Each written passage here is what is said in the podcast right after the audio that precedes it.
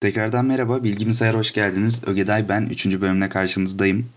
Son haftalar biraz yoğun geçti benim açımdan. Açıkçası aklımda da bir fikir yoktu bu bölümle ne konuşacağımla ilgili. Geçen hafta bilişim sistemlerine giriş dersinde bir konuyu tartıştık. A tarafsızlığından konuştuk. İngilizcesi net neutrality olarak geçiyor. Teknik olmaktan öte biraz daha toplumsal bir konu. İnternet çağının ciddi meselelerinden bir tanesi. Bugün bunu tartışacağız değinmeye değer olduğunu düşünüyorum. Bu bölümde bundan bahsedeyim dedim. Ee, hala ucu açık sonuçlandırılmamış bir tartışma. Tüm dünyada geçerli. O yüzden sonu biraz havada bitebilir. Ama zaten amacım sizi bir tarafa yönlendirmek değil. A tarafsızlığı nedir ne değildir onun hakkında bilgi vermek. Sonrasında sizin de bu konu hakkındaki görüşlerinizi duymak isterim tabii ki.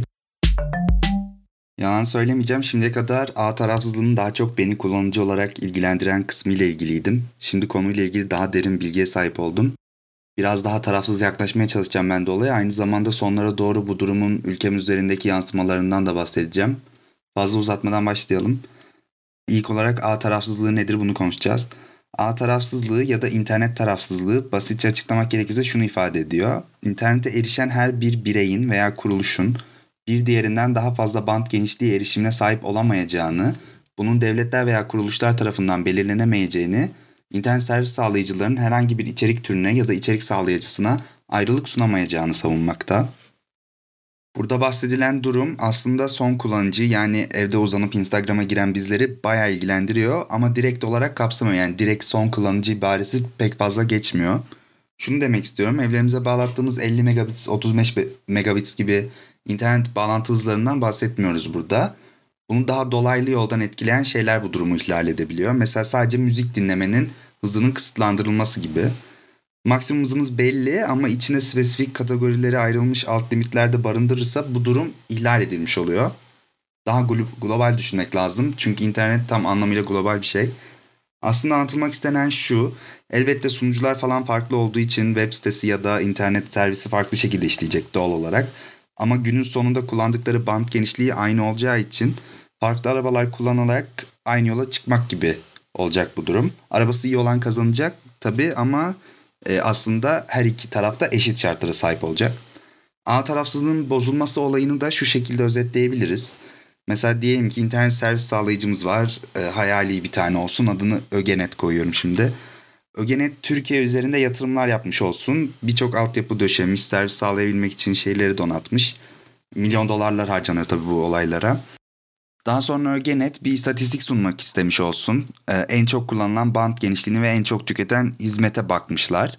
Ve şunu fark etmişler mesela Netflix kullanıcı başına yüzlerce gigabaytı aşan şekilde veri kullanmış kendi ağları üzerinde.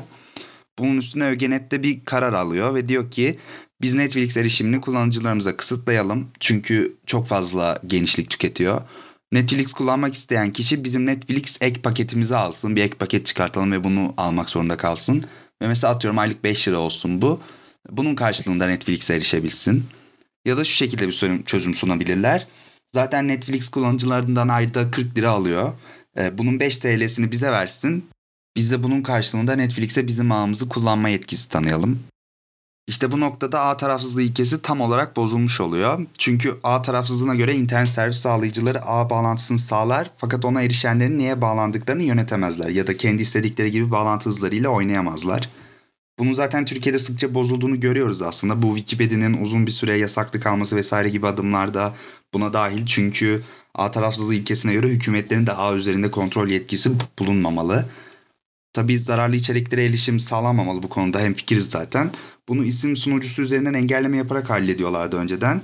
Fakat baktılar herkesin aşabildiği bir yöntem DNS değiştirmek. Dediler ki madem öyle biz de DNS üzerine yazarız. Buna DNS hijacking deniyor araştırabilirsiniz ayrıca.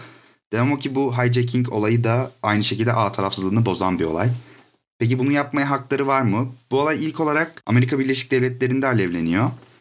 Hakları olup olmadığı konusunda tabii ki mahkeme karar veriyor. Biraz nasıl ilerlediğine bakalım durumun o zaman anlayacağız neler olup bittiğini. Tartışma şu şekilde başlamış. Amerika'daki büyük internet sağlayıcıları AT&T, Verizon ve Comcast demişler ki bizim bu hizmeti sağladığımız altyapı bize ait. Bu bizim mülkümüz ve buna yatırım yaptık. Dolayısıyla biz video indirmelerini sadece mail okumak ya da haber bakmak isteyen kullanıcıların anı yavaşlatmasına izin veremeyiz. Ve bunu kontrol etmek istiyoruz. Her kullanıcı tipine ayrı hizmet sağlamak istiyoruz. İlk olarak Comcast bu konuyu ele almış ve BitTorrent kullanarak film indiren kullanıcıların hızını yavaşlatmış. Aynı zamanda bunu yaparken şunu da savunmuşlar. Bizim hızlı erişime hemen açık ve kullanıma hazır bağlantı bölümleri ayırmamız gerekiyor. Mesela sağlık uygulamaları ya da kendi giden arabaların hızlı bağlantısı için bunu ayırabilmek zorundayız ve bunu yapmakta hakkımız. Daha sonrasında ise Amerikan Federal İletişim Komisyonu FCC bu durumu bir hak ihlali olarak görmüş Comcast'in yaptığını ve Comcast'i yaptığı hamleyi geri almaya zorlamış. Daha sonrasında Comcast tabii ki itirazda bulunmuş bu kararı ve mahkemesi aslında FCC'nin Comcast'in ağının üzerinde yetkisi olmadığına karar vermiş. FCC sonrasında 2015'te ağ tarafsızlığını savunun yönde kurallar ortaya koymuş. Böylece minik kurallarla yönetilen geniş bant ağları bir anda birçok farklı kurala bağlı kalmaya başlamış. Bu kurallar da aslında günün sonunda biz son kullanıcıların zararlı çıkaran kurallar içeriyor. Çünkü bu tarz kurallar devletlerin interneti kendilerine ait bir araçmış gibi yönetmesine olanak tanıyor. Ki bu da elbette bizi olumsuz yönde etkileyen bir şey. İşte FCC'nin getirdiği bu kurallar da tarafsızlık kelimesinin perdesinde bu durumun önünü açmaya başlamış. Dolayısıyla buna itiraz eden bir kesim de oluşmuş sonrasında. E, tabii internet servis sağlayıcıları da e, bu kurala itiraz etmişler. FCC'nin yetki sınırını aştığını ve ifade özgürlüklerinin elinden alındığını, altyapılarının kendilerine ait olan mallar olduğunu ve onlar üstündeki kontrolün de onlara ait olduğunu belirtmişler. Sonrasında bir başka tartışma konusu da Facebook'un Hindistan'da sunduğu Free Basic servisi üzerine olmuş. Bu servis insanlara Facebook ve birkaç web sitesini daha ücretsiz olarak kullanıcıların veri kullanım sayacından geçirmeden sunuyormuş.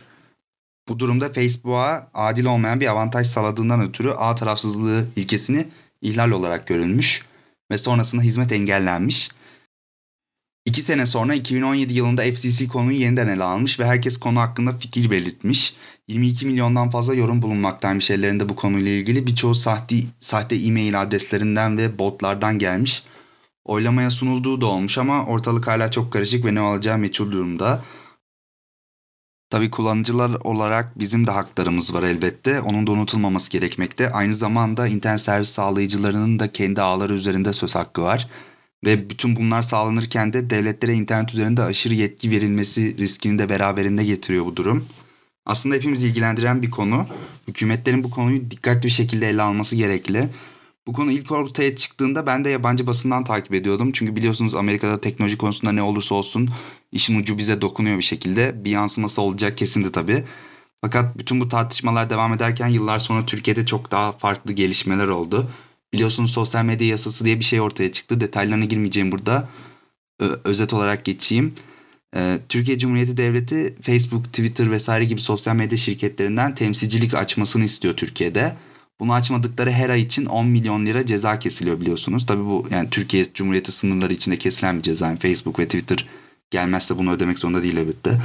Ee, sonrasında reklam vermek yasaklanacak bu kuruluşlara. Ee, ardındansa bu sitelerin bağlantı hızları %90 oranında düşürülecek. Yani bağlantı yok gibi bir şey olacak bizim açımızdan. Bu da elbette ağ tarafsızlığı ilkesine uymayan bir hamle. Bunun önü açılmış olacak.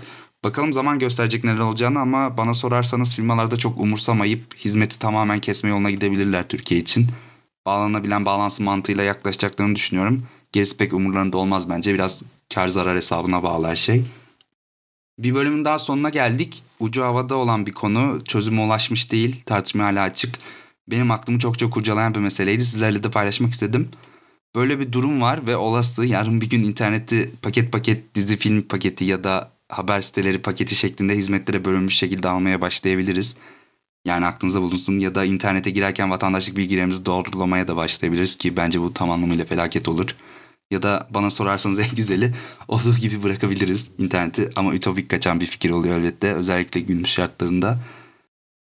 Bana her zaman olduğu gibi Instagram'dan kullanıcı adım bilgimsayarpod ya da web sitem üzerinden bilgimsayar.com ulaşabilirsiniz. Kendinize çok iyi bakın. Bir sonraki bölümde görüşmek üzere. Hoşçakalın.